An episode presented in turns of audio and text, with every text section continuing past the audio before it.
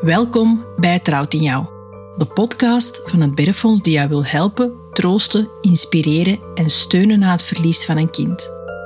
In eerlijke gesprekken komen alle aspecten van rouw en verdriet aan bod om jou zo inzichten en woorden te geven bij alles wat je voelt. Dankzij deze podcast ontdek je hopelijk dat alles wat je voelt normaal is en dat er ruimte moet zijn voor rouw en verdriet en dat je tijd mag vragen en nemen, zelfs een leven lang. Deze podcast is er voor ouders, maar ook voor de ruime family en professional of zorgverleners rond een overleden kind en gezin. Dit immense verdriet bespreekbaar maken kunnen we vanuit het Biddenfonds niet alleen. Daar hebben we hulp voor nodig.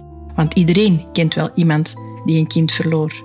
Dus wie je ook bent en op welke manier je ook geconfronteerd wordt met dit verdriet, we zijn blij dat je luistert en we hopen dat we met deze podcast mee het verschil kunnen maken. We vinden het zo erg dat het trouwt in jou. Aflevering Verlies van een baby na prenatale diagnostiek. Vandaag hebben we terug drie nieuwe gasten aan de tafel. En we gaan het vandaag hebben over het verlies van een kindje na prenatale diagnostiek.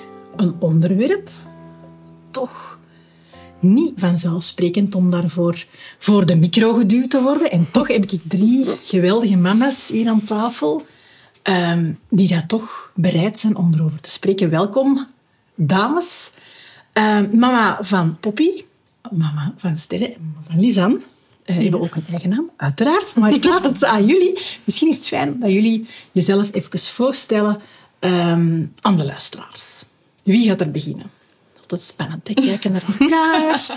ik, ben, uh, ja, ik ben Marijke, de mama van Lisanne. Lisanne is uh, geboren op 8 december 2022. Ondertussen al bijna een jaar geleden. Um, ja, een exacte diagnose weten we nog altijd niet. Maar ja, vochtophoping op buik en borst, dat ervoor gezorgd heeft dat het niet verder kon. Mm -hmm. Ja. Dus jij bent nog in je eerste jaar? Ja, klopt. Oké. Ja, die spanning is ja. te voelen. Die spanning. Ja. Absoluut. Oké, okay, welkom. Dank u. Kirsten. Ja, ik ben Kirsten, mama van Sterren. Uh, we hebben afscheid genomen van Sterren in 2017, de zomer. Uh, nadat we een uh, genetische afwijking hadden. Allee, er was vastgesteld dat ze een genetische afwijking had. Oké, okay. op ja. echo. Op nee, ja. we hadden, ik had CMV en dan um, okay. moesten we een punctie laten doen in het ziekenhuis. Om, um, die punctie had CMV bij sterren uitgesloten. Maar mm, dan kwam er ineens iets anders. kwam er ineens iets anders mm. ja, naar boven. Wat dat okay. we op de echo nooit gezien hadden. Maar in vruchtwater wel. Ja. ja Oké. Okay. Kijk, hoe merci voor aan te schuiven. Mm. Alicia. Uh, hallo, ik ben Alicia, mama van Poppy. En uh, Poppy is geboren op 2 mei dit jaar, dus 2023. Mm -hmm. um, nadat er eerst op de 12 weken echo een verdikte nekplooi uh, werd vastgesteld. En dan afwachtend op de NIPT werd het eigenlijk alleen maar dikker en dikker. Ja.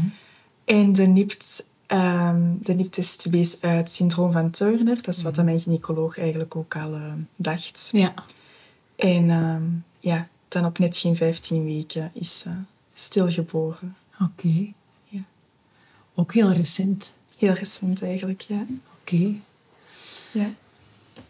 Ik zou graag met jullie zo eens um, duiken in, in jullie verhaal.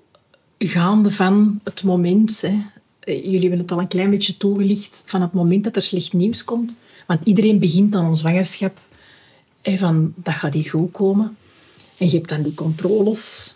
En die controles stappen vol vertrouwen tegemoet. Hè. Vaak toch, als ze nog geen rugzakje hebt. Onwetend. Hè? Onwetend, ja, voilà. En dan ineens wordt er zo ineens met een hamer op je hoofd geslagen. Ik zie hier al zo herkennende blikken. Van, ja, dat is zo het moment dat je, dat je leven switcht. Ja, absoluut. Zullen we daar beginnen? Mm -hmm. Hoe was dat, het u nog voor de eerste? Op uh, 15 november vorig mm. jaar uh, ging ik op 29 weken alleen naar de gynaecoloog, want ja, alles ging goed en ja. waarom zou Björn verlof moeten nemen?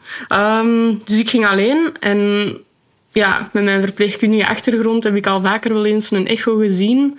En dan net aan de reactie van de gynaecoloog wist ik, hier is iets niet pluis. En dan ja, was het eerst heel onzeker van ja, er is vocht en ze groeit niet meer en dat is niet goed.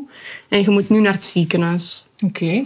Oké, ja, even bekomen is veel gezegd, maar toch met een beetje een beter hoofd in een auto gestapt, Bjorn opgebeld, die in Aalst aan het werken was. Dus dat is twee uur rijden van het ziekenhuis. Ehm, en daar dan op prenatale diagnostiek terechtgekomen, die mij er dan tussen wouden nemen die dag. Ehm, heb ik eh, een echo gehad van 40 minuten alleen, want Bjorn kon er nog niet zijn. Dus ik heb heel die dingen alleen meegemaakt. Ehm, en dan zagen ze dat vocht, maar meer niet. Dus ik was eigenlijk een beetje wel gerustgesteld, want het was alleen vocht. En dan twee uur lang in een uh, kotje apart gezet en moeten wachten, wachten. Uh, totdat ze dan een uh, vruchtwaterpunctie hebben gedaan. En op die moment was Björn er dan wel. Um, ja, en nadien ga je naar huis en weet je, er is iets niet juist. Maar ze doet het goed. Dus. Ja. kan allemaal nog wel ja. goed komen. Ja. Maar je weet, ja, langs de andere kant ook dat er iets niet pluis is. Maar de echte piste van dat, dat, dat, komt hier niet meer goed, of dat is misschien niet meer leven verenigbaar, of, of niet. Dat was toen nog niet, uh, was nog niet... niet in ons hoofd opgekomen. Nee.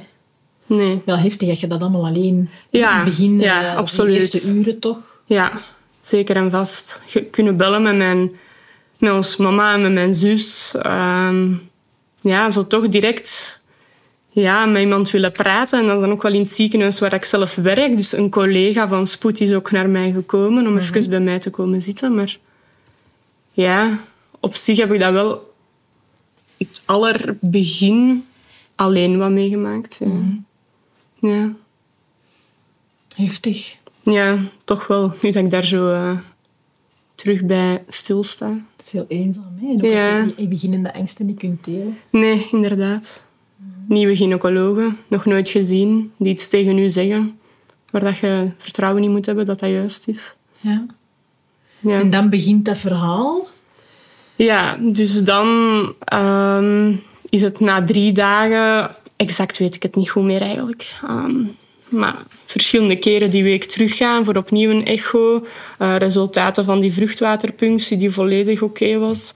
Ehm, maar na een week was dat vocht verdubbeld. En eh, wisten we wel, ja, oké, dit is wel echt niet meer zo goed. En dan heb je een gesprek met een neonatoloog gepland staan. En daar ga je naartoe met in het achterhoofd van, oké, dat kan hier een gesprek worden met ja, een soort van DNR-gesprek. Eh, wat als ze geboren wordt, gaan we nog reanimeren of zo. Dus dat had ik in mijn hoofd. Maar daar ging het zelfs niet meer over. Het was direct van, je hebt twee opties. Optie 1 is een eh, zwangerschapsafbreking. En optie 2 is dat ze geboren wordt, maar dan kleine, kleine kans dat ze het overleeft. Een hele grote kans, moest ze het overleven, dat ze fysieke en mentale beperkingen zou hebben. Je krijgt dat op een vrijdagavond, nadat een werkweek is verlopen. ehm, dan moesten we direct beslissen, willen we long- longrijping of niet. Toch nog gevraagd om er een nachtje over te mogen slapen. Toch naar het ziekenhuis getrokken voor longrijping, want ja, je wilde kindje. Ehm, sorry. Dat is niks. Dat is allemaal heftig op een korte tijd. En zeker dat je zegt dat je het niet verwacht. Ehm, om dan zo ineens heel twee duidelijke keuzes te krijgen. Want die zijn er ook niet altijd zo duidelijk in het begin. Nee, en zeker ook, er was geen diagnose. Ja. Ze zeggen, ze hebben zich gebaseerd op een studie uit Londen. Op eh, 250 kinderen de laatste tien jaar. Ja, op die moment denk ik, wat ben ik ermee? Ja, ja. Maar zij dus heel veel, want daar gaan ze op verder. En het was ook wel zo, eh, echo na echo ging het slechter en, en kon ze niet meer zelfstandig slikken. eh. Dus oké, dat vertelde op zich wel al genoeg. Maar zo geen echte diagnose krijgen voor zo'n grote keuze, wat ik zelf geen keuze meer noem, ehm, dat is wel... eh, dat is een beetje onmenselijk eigenlijk. Ja, en je raakt daar iets aan, een keuze die eigenlijk geen keuze is. Daar gaan we ze biedt nog echt verder op gaan, want ik denk dat dat wel een heel belangrijke is in deze aflevering. Ehm mag ik even horen bij Kirsten dat moment dat jullie ineens slecht nieuws kregen? Ja, dat was eh, echt een donderslag bij heldere hemel. Want we waren al heel lang met die CMV bezig. Ja, maar... Ehm, s ochtends kreeg ik telefoon dat, de dat Sterre geen CMV had. Dus ik super blij. Na twee maanden of een maand, ik weet het al niet meer, in spanning te leven, werd je eindelijk opgelucht. Ontladen. En kon je verder en kon je eindelijk die zwangerschap gaan, gaan beleven en gaan, de geboorte gaan voorbereiden.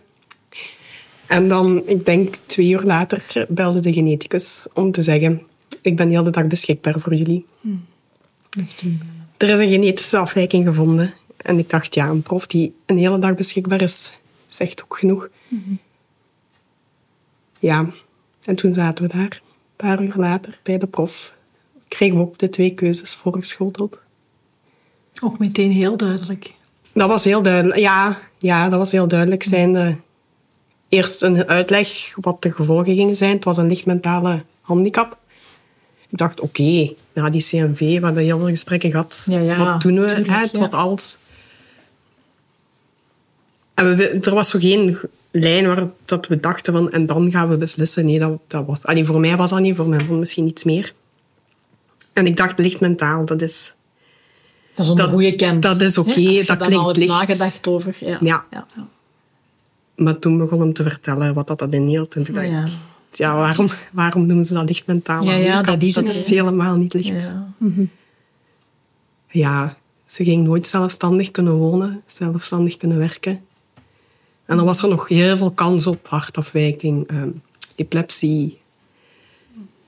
Heel veel kansen nog. Dus dat wat als verhaal ging, ging gewoon doorgaan. Het is ook vaak ook maar het topje van de ijsberg dat ze zien hè, op die, op die echo's. op Ja, die want ze wisten ook niet, dat was ook een afwijking die ze... Ja, we kregen ook artikels mee van zo Ja. gevallen die het... Die het allee, kinderen die, die, die leven en dan... Ja, ja, zo leven er echt ook maar 10, 15. Ja, maar die dag, dat was echt van het ene uiterste naar het andere uiterste. Ja. Ja. Ja. Ja. Merci om te delen. Heftig toch ook al, hè, zo na al die jaren. Super heftig, ja. Ja, ja, absoluut. Absoluut. Omdat dat ook een heel heftig moment is dat je dat beleeft. Hè. Je Het moment dat ze zo komen vertellen dat je kind hè, het niet zal zijn hoe dat jij hebt dit gehoopt voor je kind, Ja. Ongeacht ja. wat, dat, wat dat, dat nieuws dan ook inhoudt, dat is mindblowing. Hè? Zo'n emoties heb je nog nooit Nee, meegemaakt. nee, Dus die blijven zo, Ja, zo vers in je geheugen. Heel Ik vind diep dat ook de, eh. de heftigste emoties van heel het, heel het proces. ja. Het bericht krijgen, ja, het is niet oké, je gaat moeten kiezen. ja. Ja. Ja, ik ben toen ook letterlijk op mijn werk, nadat ik de telefoon van de geneticus had, ik ben letterlijk op de vloer Tuurlijk. neergestort. Ja. ja. De Dat wereld die onder je voeten wordt weggetrokken. Ja, letterlijk, ja. Herkende jij dat, Alicia? Eh, ja, absoluut. Het is zo moeilijk om ook uit te leggen hoe dat, dat voelt aan iemand die dat niet heeft meegemaakt. Vooral omdat er ook nog zo wat... Of in het algemeen wordt dat geminimaliseerd of zo nog altijd. Als je een kind verliest en nog in je buik zit. Ja, dat merk ik wel heel hard. Dat, dat, inderdaad, gemini- allee, dat mensen niet beseffen hoe, Veel impact. hoe zwaar dat, dat is. Ja. Ja. En jullie kregen, hè, want je hebt al net een beetje verteld, eerst begon jullie verhaal op die twaalf weken met die verdikte nekblooien. Ja. Klopt. En eigenlijk begon heel de zwangerschap al met vrij veel angst, want ik had al een miskraam gehad. Oké. Dat noem ik dan wel, ja. Ja. Daarvoor gebruik ik dan wel het soort miskraam, omdat dat op negen weken was. Mijn Eerste curettage. Ja. Ja. Ehm, dus ik was wel al echt heel angstig om daar nog eens mee te maken. Vooral, er was ook niet echt een oorzaak Ja. ehm, gevonden. Allee, ook niet echt gezocht nog niet, want ja, dat, dat gebeurt heel Dat veel. natuurlijk vaker, hè, Ja. Ehm, en eigenlijk, om dan twee of drie echo's al gehad te hebben, want ik had een hele vroege echo gevraagd, omdat ik zo in Mhm. die angst zat dat het weer mis ging zijn. En je hebt dan drie goede echo's en dat, was, dat gaf mij zoveel hoop. En ik Ja. was 100%, allee, 100% zei dat nooit, maar Ja. ik was wel echt... We zijn van, vertrokken. we zijn vertrokken en deze keer is het wel goed. En ja, nu gaan we echt... Nu ga ik echt in oktober bevallen van, van Ja. een gezond kindje. Dus die 12 weken echo, ehm, die duurde ook vrij lang. En ik was eigenlijk zo enthousiast om het geslacht hopelijk te weten te komen, dat ik zelfs vergeten was dat er ook iets heel belangrijk moest worden nagekeken, die nekplooimeting. Ja. ik, was daar, ik was daar totaal niet mee bezig. En het was ook pas na een kwartier dat ze ineens over de nekplooi begon. Ze had eerst al de rest nagekeken, alles was in orde. En ineens zegt ze, ja, oei, ze is nu gedraaid en ik had nu pas zien, maar de nekplooimeting, allee, de nekplooimeting, ja, het is eigenlijk niet goed. En ik viel echt zo van, van, mijn allee, van Ja, ja. dat bed, want ik- ja, ik werd echt overvallen. Ik was het compleet vergeten dat dat iets belangrijk was op die moment. Ehm, en ik wist ook totaal niet eigenlijk wat dat kon betekenen. Eh, dus je, je hebt ineens duizend en één vragen. Maar ook ik, als ik zo vervallen word door iets, ik stel die vragen dan ook niet, omdat ik gewoon... Ja. Ja, ik denk dat dat ook wel herkenbaar is. ja, absoluut. Ehm, en ze begint dan eigenlijk te vertellen van ja, ik heb het geslacht ook gezien, wil je het weten? Ehm, dus wij ja. En dan zei ze ja, het is een meisje en met die nekplooimeting die, die te dik is, ehm, denk ik eigenlijk meteen aan het syndroom van Turner. Ik vond dat vrij zot. Allee, mijn gynaecoloog, alle super dankbaar voor. Eh, dat wil ik zeker zeggen, want dus ik vind het niet zot in de negatieve... Nee, nee, nee. eh, Maar dat ze zo snel maar ik vond, link... voilà, ze, ze zei dat meteen eh, van syndroom van Turner. Ook daar no- nog nooit van gehoord. Mhm. Gehoord van syndroom van Down, maar syndroom van Turner, ik had geen idee. Eh, dus ze begint dan een beetje uit. Allee, ik neem aan dat de luisteraars ook niet echt... Mhm. aan, aan wie dat ik het vertel, dus ze weten ook niet wat het is. Dus je begint te vragen van ja, en wat houdt dat dan in? En dan is eigenlijk, ja, dat is een heel breed spectrum. Mhm. Uh, dus dat kan zijn dat, dat dat een kind is dat vrij zelfstandig kan, kan leven zonder veel problemen. Maar het kan ook helemaal anders zijn. Dus je weet het ook niet op voorhand. Ehm, dus ja, met die informatie gingen we naar buiten en ik mocht daarna meteen de niptest gaan laten afnemen met Sint-Augustinus. Ehm, maar ik voelde eigenlijk van binnen al van het is weer niet, niet goed. En ik heb heel lang moeten wachten op de resultaten. En je hoort vaak van, ah, ik had ze binnen de vijf dagen of zo. Maar het was, Ja. het was bij mij, ja, ik denk tien dagen. Ja. Ehm, en ondertussen was ik nog eens naar, ehm, naar een andere gynaecoloog nog gegaan, die, waar ik mijn verhaal toevallig aan deed. En die zei van, maar kom eens langs, want ik kan zo weinig zeggen. En dan kijk ik ook nog eens, maar het was nog erger geworden. Dus je voelt ook al, ja, het gaat hier bergaf. En op zich, die, die, dat, er zat een week tussen, tussen die twee echo's. En ik had nog vrij veel hoop, omdat je heel veel positieve verhalen nog leest, dat een verdikte nekplooi zich vaak, zichzelf Ja. vaak oplost. Ja. Dus ik zat nog wel zo met die hoop toen. Maar dan die tweede echo, dat ze zei, nee, het is nog, het is nog erger. Ehm, ja, dan begint je dat toch wel los te laten. En de week daarop eh, had ik vruchtwaterpunctie. En die echo is heel uitgebreid dan ook dat ze doen. En eh, die gynaecoloog zag eigenlijk ook al meteen dat er een hartafwijking was. Ja. En dat het hartje bijna ja, niet meer zelfstandig aan het kloppen was. En dat klinkt super raar wat ik nu ga zeggen misschien, maar er is wat aan opluchting.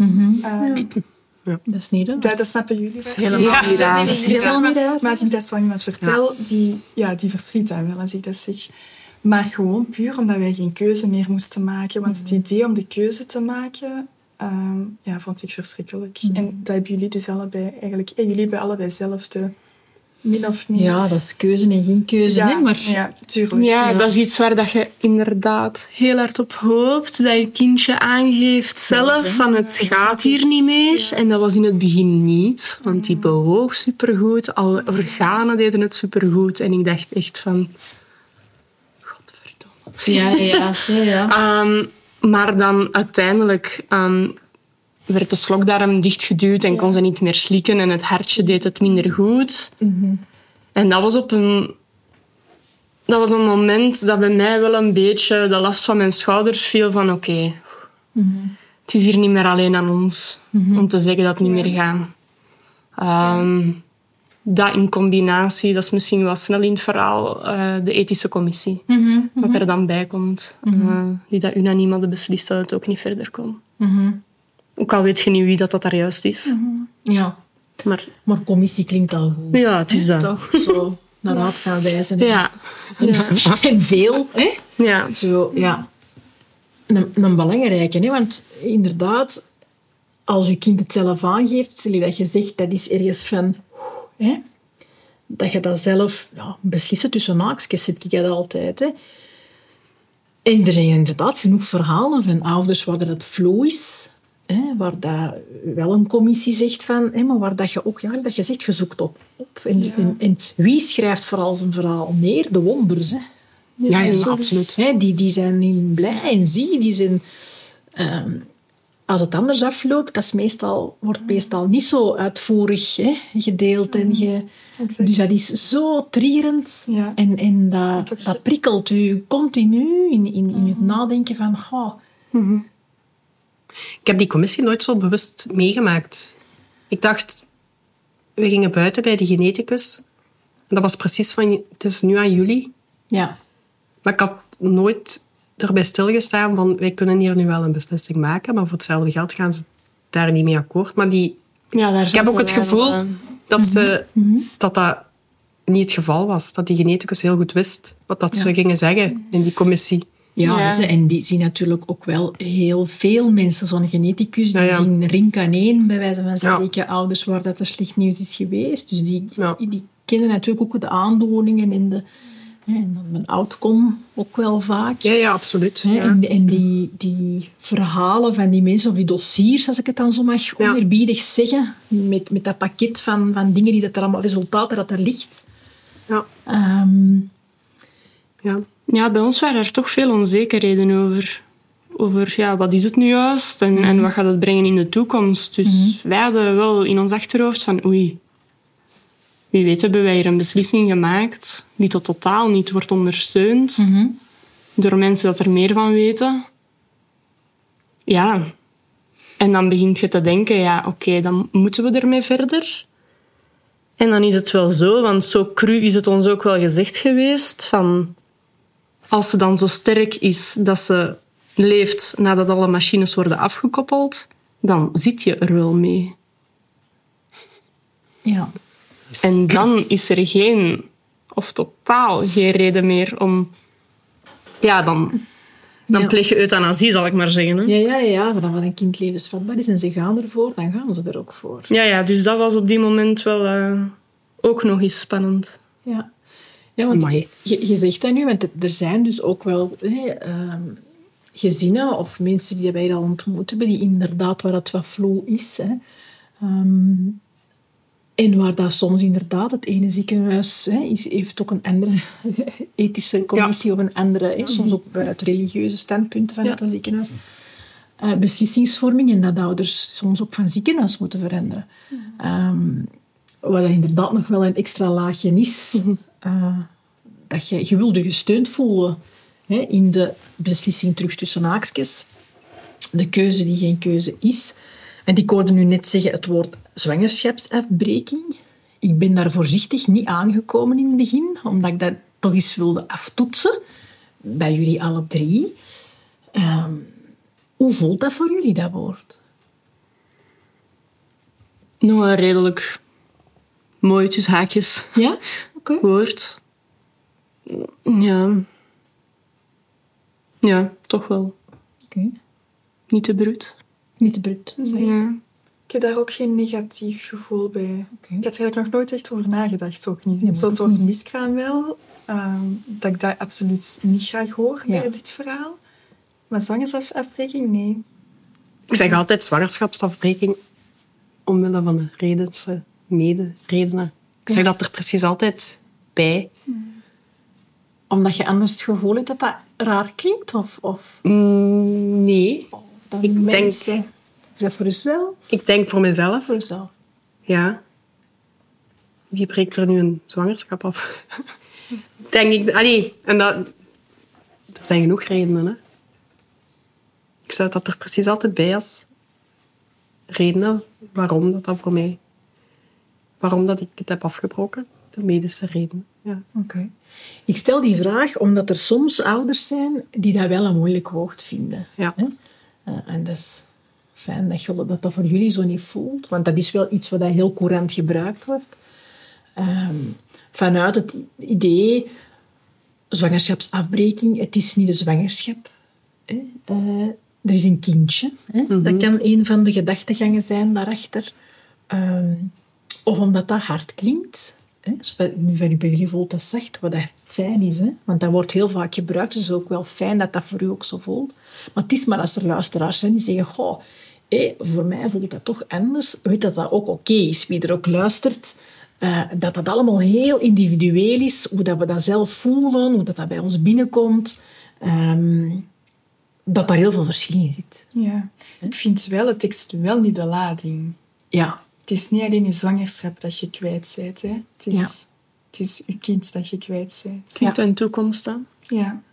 ja kind in toekomst, absoluut. Gevolgen in veel facetten van je leven.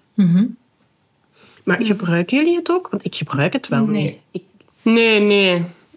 Ik gebruik het niet, maar Als er, als mensen het zo benoemen, vind Ja. ik het oké. En als er nu iemand bij jullie komt en je vraagt, ah, is een kindje verloren, wat is er juist gebeurd? Wat antwoord je dan?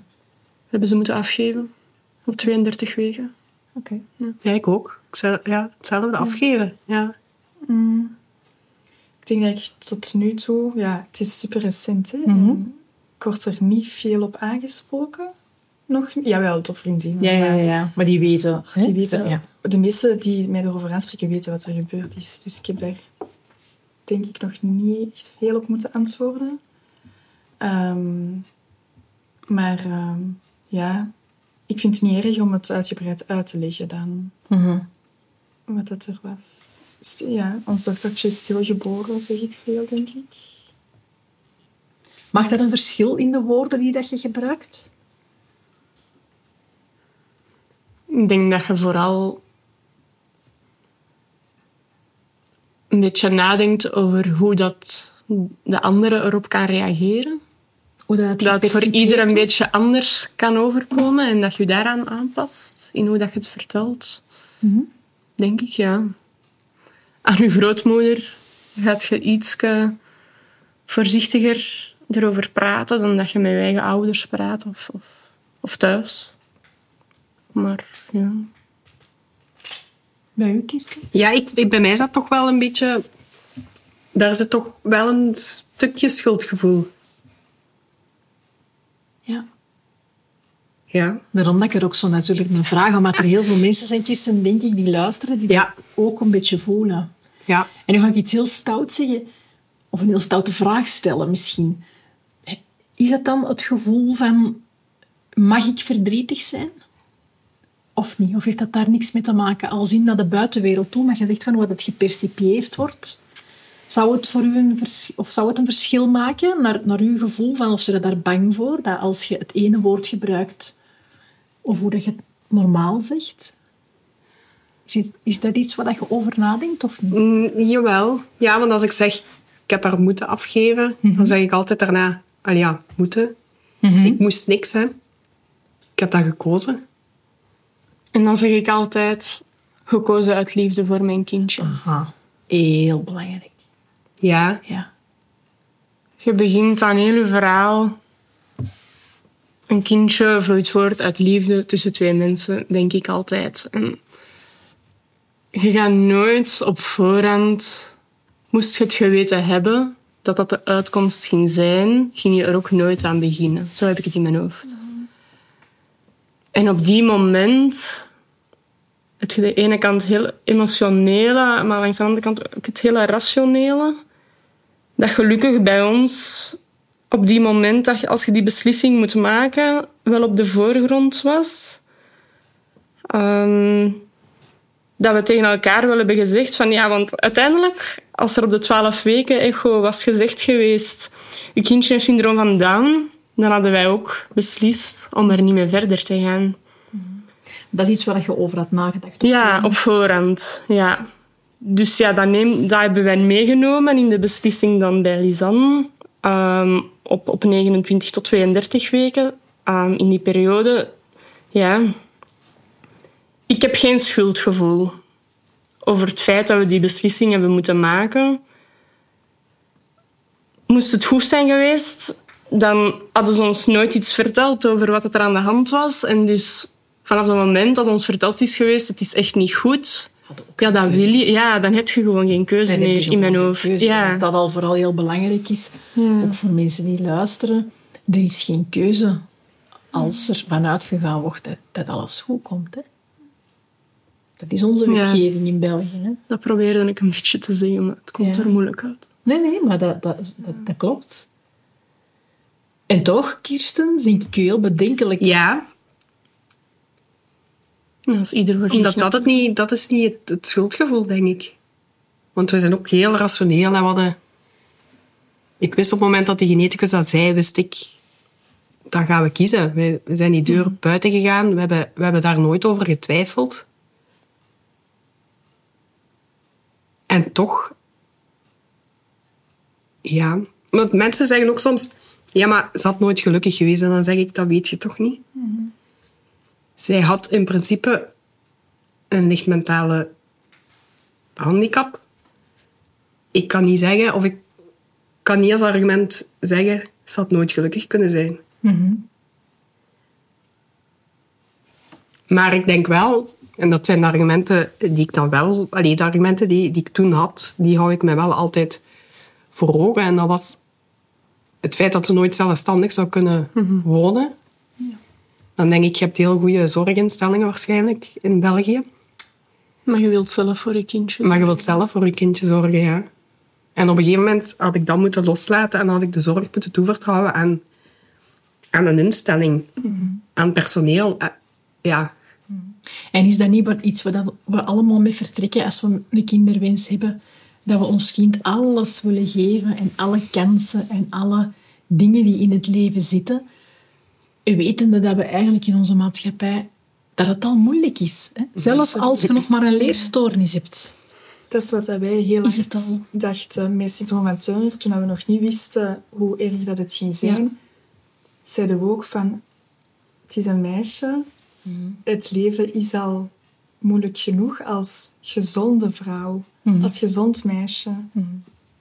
Ehm, en wij gaan dat niet aankunnen om ons kind ehm, ongelukkig te zien. Maar je weet niet of het ongelukkig, zal zijn. Maar om het, het met, met moeilijkheden te zien. Om, wie weet wordt het gepest. Da, daar was ik... Ja, dat was bij mij heel gevoelig. Van, Ja. Misschien wordt het gepest. Ehm, ja, dat, dat dacht ik heel hard. Van, het leven is al zo moeilijk als je de zaakjes oké bent qua gezondheid. ja, dat Ja. is ook zo. In eerste instantie denk je inderdaad aan je kindje. En op de tweede lijn, zal ik maar zeggen, komt dan ook wel van... En hoe gaat het voor ons zijn als ouders? Absoluut. Ja. Hoe gaat ons leven eruit zien? Uw draagkracht en Ja. uw gezin aan kan. Ja, dat is eh, ook een van de... Ik wist dat dat heel moeilijk ging zijn in onze relatie. En ik heb al een ouder... Allee, ik had toen al een oudere dochter. Ik vond dat ook heel belastend voor haar. Om, Haar leven ging ook op hol staan. Hè. Er zijn verschillende aspecten in heel Ja. dat denkproces. Het gaat niet enkel en alleen over dat medische stukje. Nee. nee, nee, nee. Maar en dat geven ze veel ook goed mee. Ja. dan dat. Hè? ja, dat hebben ze goed meegegeven aan ons. Van, weet dat het niet alleen om een kindje draait, ook voor jullie en de toekomst. Als er nog een broer of een zus komt, ja, dat gaat niet zijn zoals het moet zijn is verkeerd misschien, maar zoals je het wilt. Ja. Ja.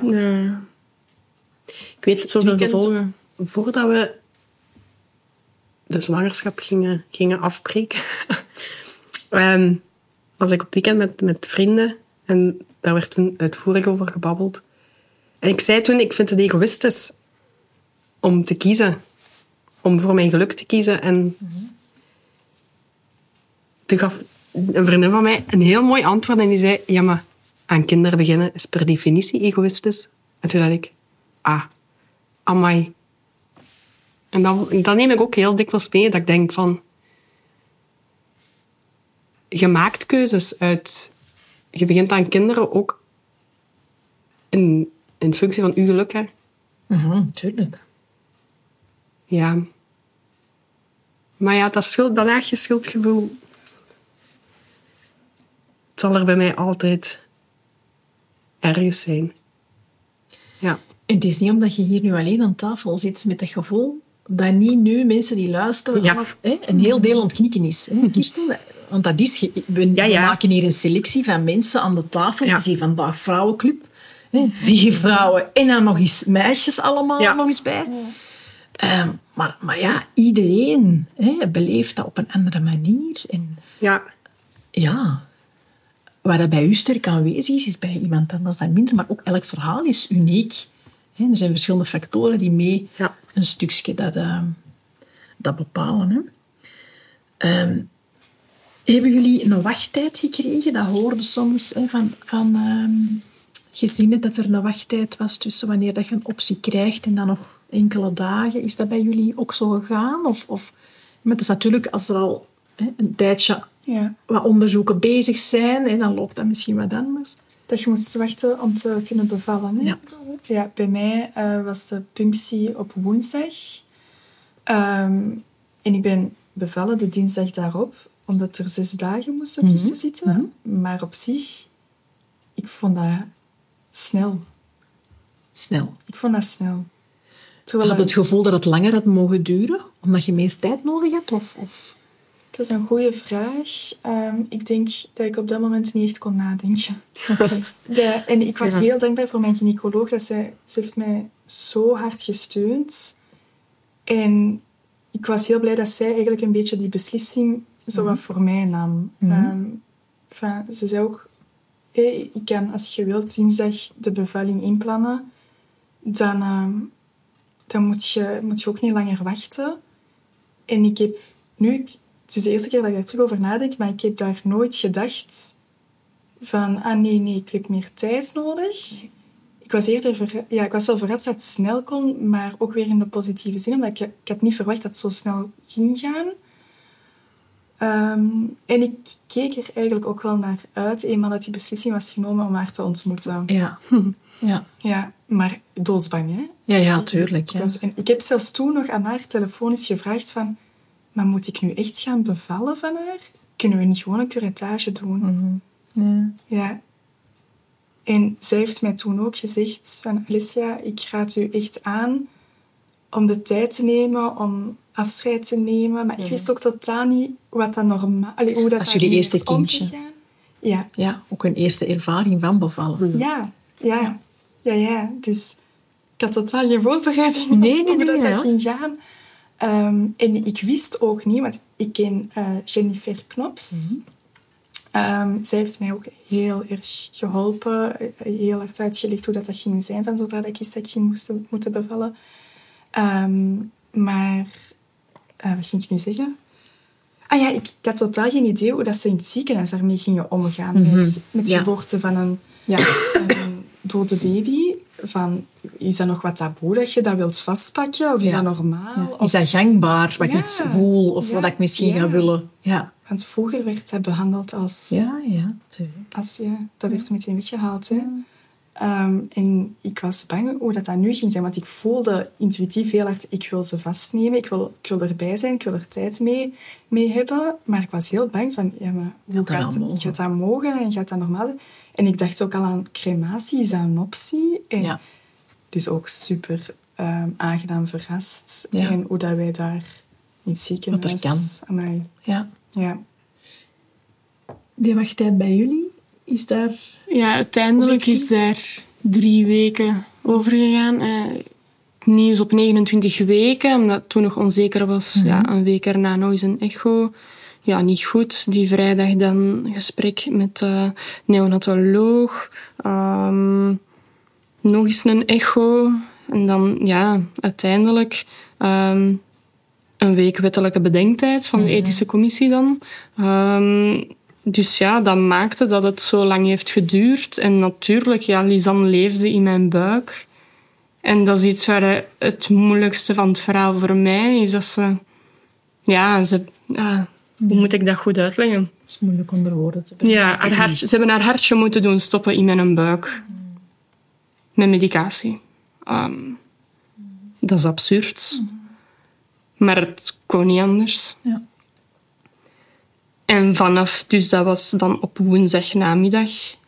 En dan s'avonds epidurale en ja, 32 weken. Dus ja, een baby die af is. Hè. Alleen nog klein en moest nog wat groeien en aankomen. Heel bang wat dat er, eh, hoe dat ze eruit ging zien.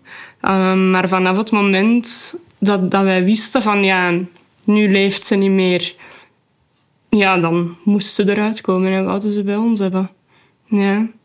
En die bevalling, ja, dat is... Ik omschrijf het nog altijd als het mooiste dat ik heb meegemaakt. Want ook voor, voor jullie was dat de eerste keer. Ja, absoluut. Ons eerste kindje, altijd ons eerste kindje. En ja, de eerste keer die ervaring van een bevalling, ja, dat is, ehm, ja, dat heeft ons mama en papa gemaakt. En ja, Mooi, hè? Dat moment dat je een kindje, ook al hè, is dat dan doodgeboren, ligt Heel in, mooi. in je handen. ja. heel stil, Een heel heel, bijzonder moment. ja. Ja, ik keek daar ook. S ochtends moest ik ook binnen en dan werd het ook eh, in slaap gedaan. Ik vond dat heel medisch allemaal. Ja. Je wilt het liefst van al ja, je hand op je, bu- op je buik of zo, maar dat, dat mocht allemaal niet. Dat was steriel. Oh, dat vond ik Stil liggen. stil liggen, ja. Je wilde contact met haar. Ja, maar dat ging niet. Ja. Maar dan daarna is het inderdaad, was dat heel mooi, zo heel warm. Ook, het, ook de, de verpleegkundigen, allemaal, de vroedvrouwen, iedereen die binnenkwam. Het is heel warm, ja. Precies of wij maakten een normale bevalling mee. Wel heel rustig en heel sereen. En... Maar ja, er werd zo normaal omgegaan met Lisanne. En... Ja, Ja, dat was supermooi. Helpend, hè? Ja. Dat die zo... Contrast dan met hetgeen, het moment van het, hè, het hartje stil te leggen. Ja, enorm. Want dat is iets wat ook veel ouders, hè, dat moment is. Dat is ook iets wat je ook nooit meer vergeten. absoluut niet. En als dat ooit op een andere manier kunnen, Ja. daar moeten ze naar zoeken, want dat is... Ik moet nu wel zeggen dat daar bij ons wel de tijd voor werd genomen. Nog een laatste 3D-echo. Ja. Nog een keer even goed kijken. Maar dan die moment zelf. Mag je niet huilen, mag je niet bewegen. Ehm, je moet het gewoon laten gebeuren. En ja, mega hard. En dan steek je de gang over naar het verloskwartier en dan weet je... Ja, ik had een vruchtwaterpunctie gehad op 29 weken. Ze zeiden, ja, dat gaat nu hetzelfde zijn. Dus ik wist een beetje hoe dat, dat ging zijn. Maar omdat ze natuurlijk... Ja, Lisanne liet nog even weten... Oh, een ze had heel weinig bewogen de week voordien. En op die moment dat we dan voor die, die punctie gingen, bewoog zij ineens super hard. En ze kregen haar niet te pakken. maar dan uiteindelijk ja, is dat wel gelukt. En dan, ja. En dat zijn dan ook zo van die dingen waar je dan zo betekenis achter zoekt. ja, absoluut. En soms, ja, je kunt dat in twee, twee richtingen laten uitgaan. Hè. Eén, ze wil gewoon nog eens laten voelen dat ze, dat ze ons graag geeft. Of Dat je zo. graag. Of langs de andere kant, ja, oei, Ja. Misschien heeft het gewoon wel goed. En moeten we ermee verder gaan. Terwijl het dat rationele, je dat rationele Ja, ja, absoluut. staat dat haaks op elkaar. Hè? Dat dat niet kan, hè. Ja. En is het schoon dat je het, dat je het kunt draaien naar iets van... Hè, het is nog een stuk contact. Het is van... Ja. Hey, Ja. lieve mama, lieve papa. Maar heftig, hè? Amai. Ja. Zaten jullie daar op dezelfde lijn als met jullie partner? Want dat is ook nog zoiets. Hè? Ehm, soms gaat dat heel snel en zitten, zoals je zegt, we kijken naar elkaar, je staat buiten, je wist het al. Hè? Ja. Of, we hadden er al gesprekken over gehad, over andere Ja. dingen die konden misgaan. Eh, Ehm, bij ons was het in het begin vrij moeilijk. Ehm, mijn vriend had van zodra dat die 12 weken echo, die eerste, niet goed was, ging hij al richting het, het loopt mis. Maar hij bleef heel rationeel.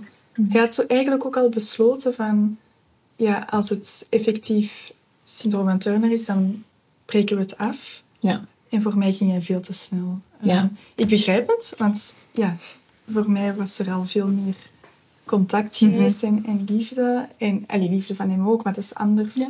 als het natuurlijk niet in uw lichaam gebeurt.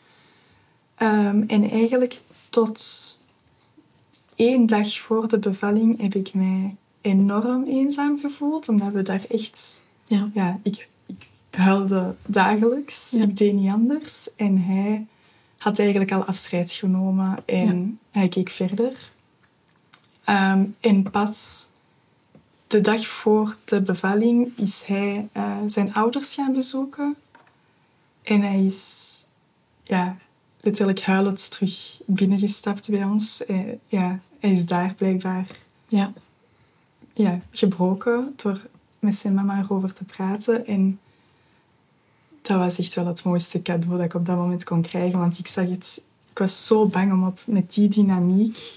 Uiteraard, we- we- er was geen ruzie of zo, maar... Nee, nee, nee, maar dat is We- puur dat ja. gevoel, hè? Ja, ik kon die emotie niet delen. En vanaf dan wel. En toen was het helemaal anders. Gelukkig. Ja. Ja. Ja, Want een kind dus maakt het samen, dus Ja. je, je denkt ook samen dat gevoel te hebben. Ja. En toch kan dat soms Mhm. anders zijn. Wat dat niet wil zeggen dat er meer of minder liefde is. Nee. Hè? Maar gewoon ja, het, het rationeler bekijken. Of het, hè, het, meer naar het gevoel duiken. Of Ik- meer in, in ja. Mhm. dat hoofd zitten waarbij dat je zegt van... Goh, voor mij is dat heel duidelijk. Ja. Of, of dit wil ik niet in mijn, hè, met mijn leven. Zware zorg opnemen, die kunnen wij als gezin niet dragen. Ik zie het ook als een soort van beschermingsmodus dat waar dat je Ja. direct in is Ja. gekropen. Van ik wil hier geen verdriet rond hebben, Ik wil voelen. voelen. Ja. Ehm, ja. Ja. Maar ja, daar Ja. kun je niet onderuit. Nee, nee, gelijk dat je zegt, hè, soms voelt je je dat heel eenzaam. En dat is gelijk dat je in rouw je ook heel eenzaam Mm. Ja. kunt voelen. Eh, het, het zit allemaal, hè, ook al doe je dat samen, er is nog heel veel bij jezelf. Hè. En dat, dat, dat kan met momenten heel eenzaam aanvoelen. Hoe was dat bij jullie, Kirsten? Dat was... ehm, hij is heel rationeel, hè. En die, hij had ook al afscheid genomen op het moment dat we beslist hadden. Maar bij mij zat Sterre nog in de buik. Die was nog actief. Ik kon, mij niet, ik kon dat niet negeren. Dat was, dat was een deel van mij. Het is moeilijk om rationeel te zijn dan. Hè. Ja. Je- hè. Ja. Maar hij heeft sindsdien ook niet meer het handje op de buik gelegd of zo. Nee. Voor hem was dat te pijnlijk en, en ging hem dat niet doen. Ja. Dus we stonden daar wel eh, Anders in. anders in, ja. Maar de, de redenen... Ik denk ook de redenen waren anders. Bij hem was het... Ja, waren het andere redenen als, als voor mij. Bij mij was er veel meer gevoel. Ja. Bij hem was het rationeel van... Dit wordt te complex. gaan we niet doen. Ik ben er heel dankbaar voor dat wij daarvan in het begin van de moment dat wij dat nieuws hebben gekregen, dat wij op éénzelfde lijn hebben gestaan en tot nu toe nog altijd heel goed over kunnen praten. En ja, want als dat er niet was, dan lijkt het mij om dan alleen te staan in die rouw een beetje onmogelijk.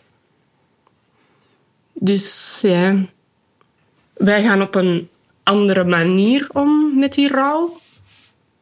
Maar we komen er altijd samen uit of zo. Ja.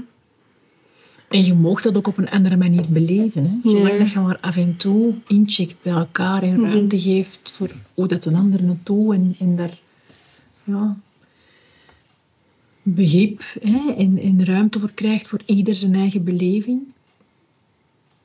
Maar het is wel heftig. Maar ik heb me wel nooit alleen gevoeld. Ik was goed omringd. Maar niet door mijn man. Allee, anders. Hij heeft mij inderdaad wel ruimte en zo gegeven. En hij snapte dat. En... Wat al heel belangrijk Amai, is. ja, ja, ja, ja. Ik moet wel zeggen dat ik daar echt schrik voor heb gehad. Op die moment. Wat als wij niet meer overeenkomen? Ja, dat is iets wat bij heel veel koppels de kop opsteekt. Hè? Ja.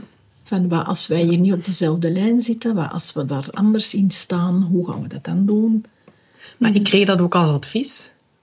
Van sommigen. Die zeiden, ja, maar je moet wel zorgen dat je op dezelfde manier daarmee omgaat. Hè. Maar goed dat ik dat niet gevolgd heb, want anders was het niet goed gekomen, denk ik. Nee, vooral dat je samen in die beslissing staat. Maar daarvoor hoef je er nog niet hetzelfde mee om te gaan. Maar ook daar stonden wij niet samen in. Maar de uitkomst van het van Jawel. sterren te laten geboren worden, Ja, dat is wel iets waar jullie alle twee. Dan samen hebben gezegd, kijk, voor mij is dat de oplossing, of Ja. de uitkomst. En jij ook op een gegeven moment, voor mij is dat ook de uitkomst. ja. Maar het is niet dat we dat samen... Nee, nee, nee, je hoeft dat in dezelfde snelheid te doen, hè. Of Ja. dezelfde... Ja. We hebben echt elk een ander pad genomen met elk andere argumenten of redenen. En het eindpunt is hetzelfde geweest. En vanaf toen zijn we weer elk on- ons ander pad begaan. En, Ja. Maar dat was oké. Ja, zolang dat er begrip is, hè. Ja, en dat klinkt heel eenzaam, maar ik heb me nooit eenzaam gevoeld.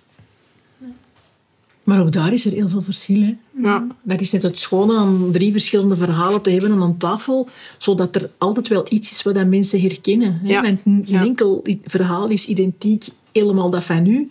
Ja. En het zijn stukjes van, van de ene en stukjes van een andere. Ja, en ik werd ook heel goed omringd, maar vooral eenzaam in het gevoel van ik ben de enige die dit voelt. Dat had ik heel erg. Van niemand die hetzelfde voelt. Want je, ergens hoopt je dat je man hetzelfde voelt. Ja. Maar natuurlijk is dat geen realistische verwachting. Ehm, want je bent anders. Hè? Je bent, je Ja. bent twee personen. En, en je hoort ouders soms ook zeggen hè, dat ze daar een beetje op afmeten hoe graag dan een partner het kindje ziet. Soms. dat mocht je niet doen. Nee, dat weet ik. Maar het is, dat mag ik het aanraken, omdat sommige mensen dat wel uitspreken. Van ja, hè, die was heel snel met die beslissing, bijvoorbeeld de ene partner tegenover de andere. Heeft dat dan iets te maken met liever zien of, of niet? Hè? Maar dat is niet. Hè? Nee. Nee. Björn zegt dat soms wel. Ja, maar jij, voor u is het erger. Want je hebt die gevoeld en die zat in uw buik. En zeg maar, ja, je hebt elke avond een kusje op mijn buik gegeven. Hij had ook zo, al zoveel liefde voor, eh voor Lisanne. Ja. Het is gewoon dat jij er straks zei. Het is, een, het is, als we het dan nu een keuze mogen noemen, uit liefde. ja. Je ziet je kind doodgraag en je wilt dat het beste geven wat mogelijk is. En als daar dingen op het pad komen waar dat je van voelt en hoort en ziet op papier, en bevestiging na bevestiging, dat dat niet zal zijn zoals dat je dat voor je kind gewenst hebt, dan is dat liefde. Hè? ja. Zijn er nog dingen die dat je... ehm Kirsten, jij staat al wat, hè, dat gaat wat, wat meer terug. Jij zit dan een jaar bijna. Ja. Zijn er dingen waar je van zegt van... Goh, hè, als er mensen luisteren... ehm, dat zijn dingen die ik graag wil meegeven. Waar dat ik van zeg van... Goh, had ik daar misschien of het, het zo meer gezien... Of dat heeft mij geholpen. En dan gaan over, over, over het, het proces van beslissen, maar dat mag even goed zijn over daarna, hè, hoe er daarna mee om te gaan. Ja, over het trouwen ehm, denk ik dat een goede ja, een advies of, of gewoon hoe, hoe ik het heb gedaan. Want ik wil niemand iets opdringen, maar echt je tijd nemen. Mhm. En niet verwachten dat het over een maand beter gaat zijn, of over twee maanden. Of, allee, zet er geen tijd op, want Mhm. je stapt echt op een bus dat je niet kent. Ja. En die bus rijdt naar plekken dat je nog nooit hebt gezien. En dat is heel heftig. Je herkent jezelf ook even niet meer. Je, er zit iemand anders aan het stuur. En ehm, je moet dat eigenlijk echt een beetje ondergaan of zo. Mhm. Vind ik mooi. Ja, ik vond dat enorm... In... Allee, ik, zit daar, ik zit eigenlijk nog steeds op die bus, eh, denk ik. En gewoon in een andere fase. Ehm, en, en ja, ik stel het mij zo graag voor dat je een bus hebt met verschillende passagiers. En meneer Rauw is er nu bijgekomen. En soms gaat hij nu al even terug van achter zitten. Ehm, maar soms neemt hij ook wel het stuur terug over. En die gaat ook nooit meer afstappen. Nee. En ja, probeer dat niet te controleren of zo, dat rouwproces, want dat, dat gaat niet. En als je dat probeert te onderdrukken, dan komt dat toch terug naar boven. En, eh, Mooie ja, metafoor.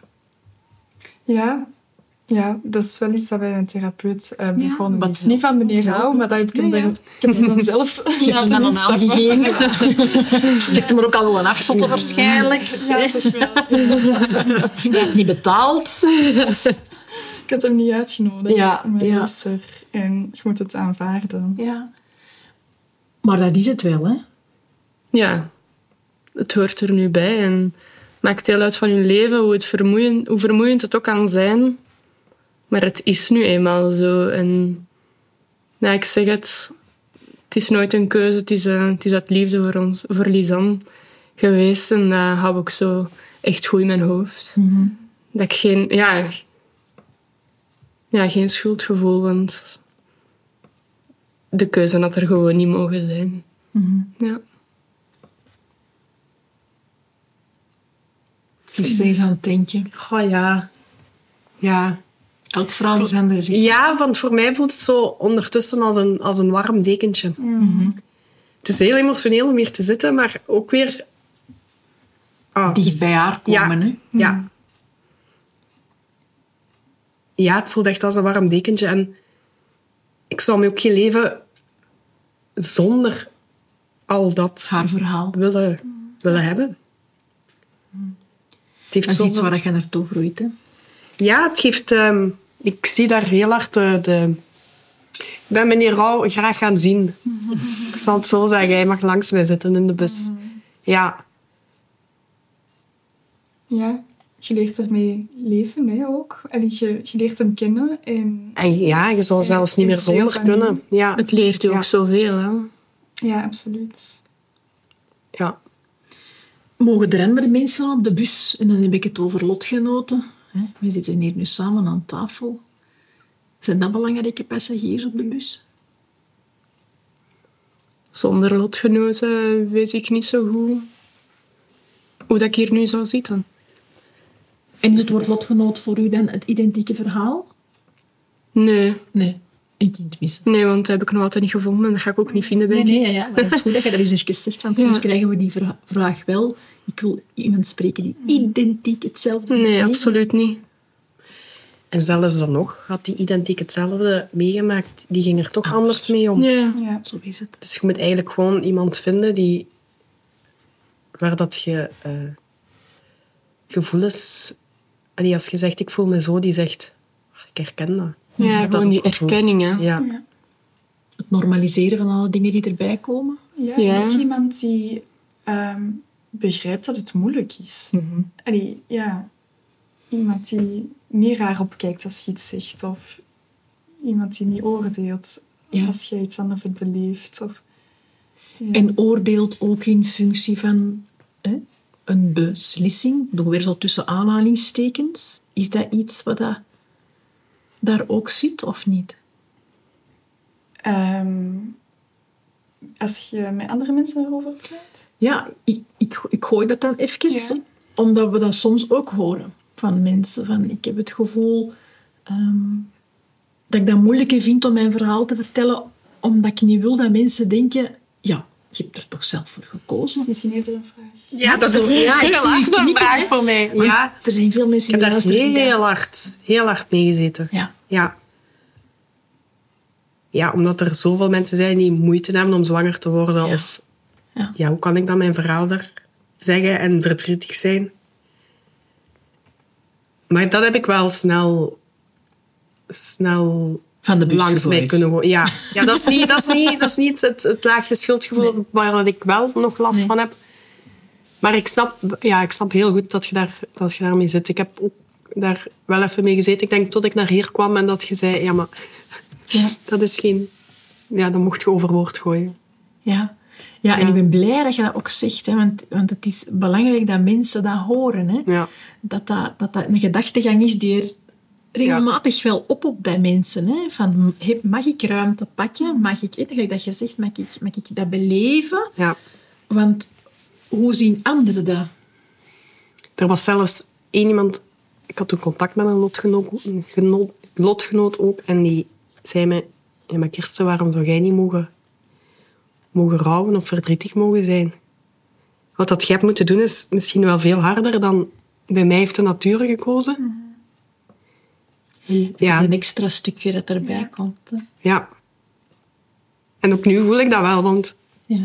ik heb geen verzachtende omstandigheden. hè. Ja. Vind je dat moeilijk als je dan hoort? Ik denk dat dat wel het laagje schuldgevoel is waar dat ik het over heb. Ja. ja. Dat Ze laag- had geboren kunnen worden. Hè.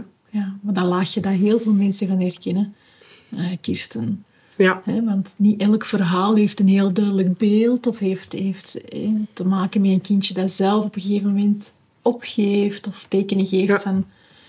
ehm, en was- dat maakt het heel complex. ja, want ze was zelfs geen strijd aan het strijden. Hè. Zo, ze was... Daarmee vind ik het ook heel moeilijk als mensen zeggen ze had niet gelukkig kunnen worden. Want ik denk dat ze perfect gelukkig had kunnen worden. Maar het had wel heel zwaar geweest. Schuldgevoel is altijd liefde. Ja, Je kunt geen schuldgevoel hebben als je niet heel, heel, heel Ja. graag ziet. En schuldgevoel Ja. is niet schuldig zijn. en het is ook helemaal niet zo zwaar aanwezig als dat het nu lijkt. Hoor. Het is omdat ik er Maar nu heel hard op aan het inzoomen ben. het Ja. opentrekken en Ja. nu- Ja, ja. Het, Hè? het, het- Maar ik vind het wel heel fijn dat je het deelt, want ik denk dat heel veel mensen dat gaan herkennen. ja. Die een beetje in een gelijkaardige situatie zitten. En dan is dat ook heel fijn voor hen om te horen dat dat er ook is. Hè? En, Ja. dat dat, en dat dat ook iets is wat dat jij, waar jij zegt, ik, zou, ik wil naast die meneer Rauw, die moet erop blijven zitten. Ja, hè? absoluut. Waar dat je misschien in het begin dat gevecht Ja. doet van, die, van de bus te gooien. Ehm, en nu, ja, je wilt hem niet meer kwijt. Hè? Want Nee, nee. Zij, zij is die liefde. Zij, Ja. Ja, Merci om dat te delen. dat is graag gedaan. Ja. Amai. Vond het mooi en inspirerend dat jullie ehm, ja, toch wel deze topics in durven aangaan. Ehm, niet simpel, dat hebben we denk ik allemaal wel gevoeld. Maar ook zo schoon hoe dat jullie dat hebben gedeeld. Ehm, ja, en nog eens over die geweldige drie meisjes. Ja, toch wel. Ja, toch wel. toch wel. Een beetje fier. Zullen we dan klinken op de girls? Graag. Kom, we gaan ons glasjes vullen. Voilà. We klinken altijd de aflevering uit op Lisanne, Sterren, Poppy en op alle kinderen die dat gemist worden. En merci om hier te zijn, merci om te delen, merci om misschien ouders die luisteren een beetje kracht en inspiratie te geven. Ik vond het ehm, heel fijn dat jullie er waren. Dank je. Santé. Je luisterde naar de podcast Het Rouwt in Jou van het Berrefonds. Er zijn nog heel wat afleveringen te ontdekken om jou ook rond andere aspecten van rouw en verdriet te inspireren. Deze podcast kwam tot stand met de warme steun van een heel aantal mooie mensen. Mira Bertels en Wannes de Neer, ouders van de kleine Sam, componeerden de zachte muziek. Seppe, de onkel van George, zorgde voor de opname en montage van bijna alle afleveringen. En Gunther, de papa van Finn en Lenne, verzorgde de opname van de aflevering in onze koestercaravan. Uiteraard ook een warm dankjewel aan iedereen die kwam praten aan onze tafel. We dragen dit alles op aan al de kinderen die we missen en ons nog elke dag inspireren en moed geven om verder te gaan. Heb je na het beluisteren van deze aflevering nood aan een babbel? Of wil je meer weten over de volledige dienstverlening van het Berrefonds? Surf dan even naar berrefonds.be en ontdek wat we nog allemaal voor jou kunnen doen. Of wat jij voor ons kan doen. Want het Berrefonds is voor haar werking bijna volledig afhankelijk van giften. Als je het waardevol vindt wat wij doen voor gezinnen met verdriet, help ons dan met een gift, zodat we ook kunnen blijven zorgen voor de ouders van morgen. Het Berrefonds is er wanneer het trouwt in jou.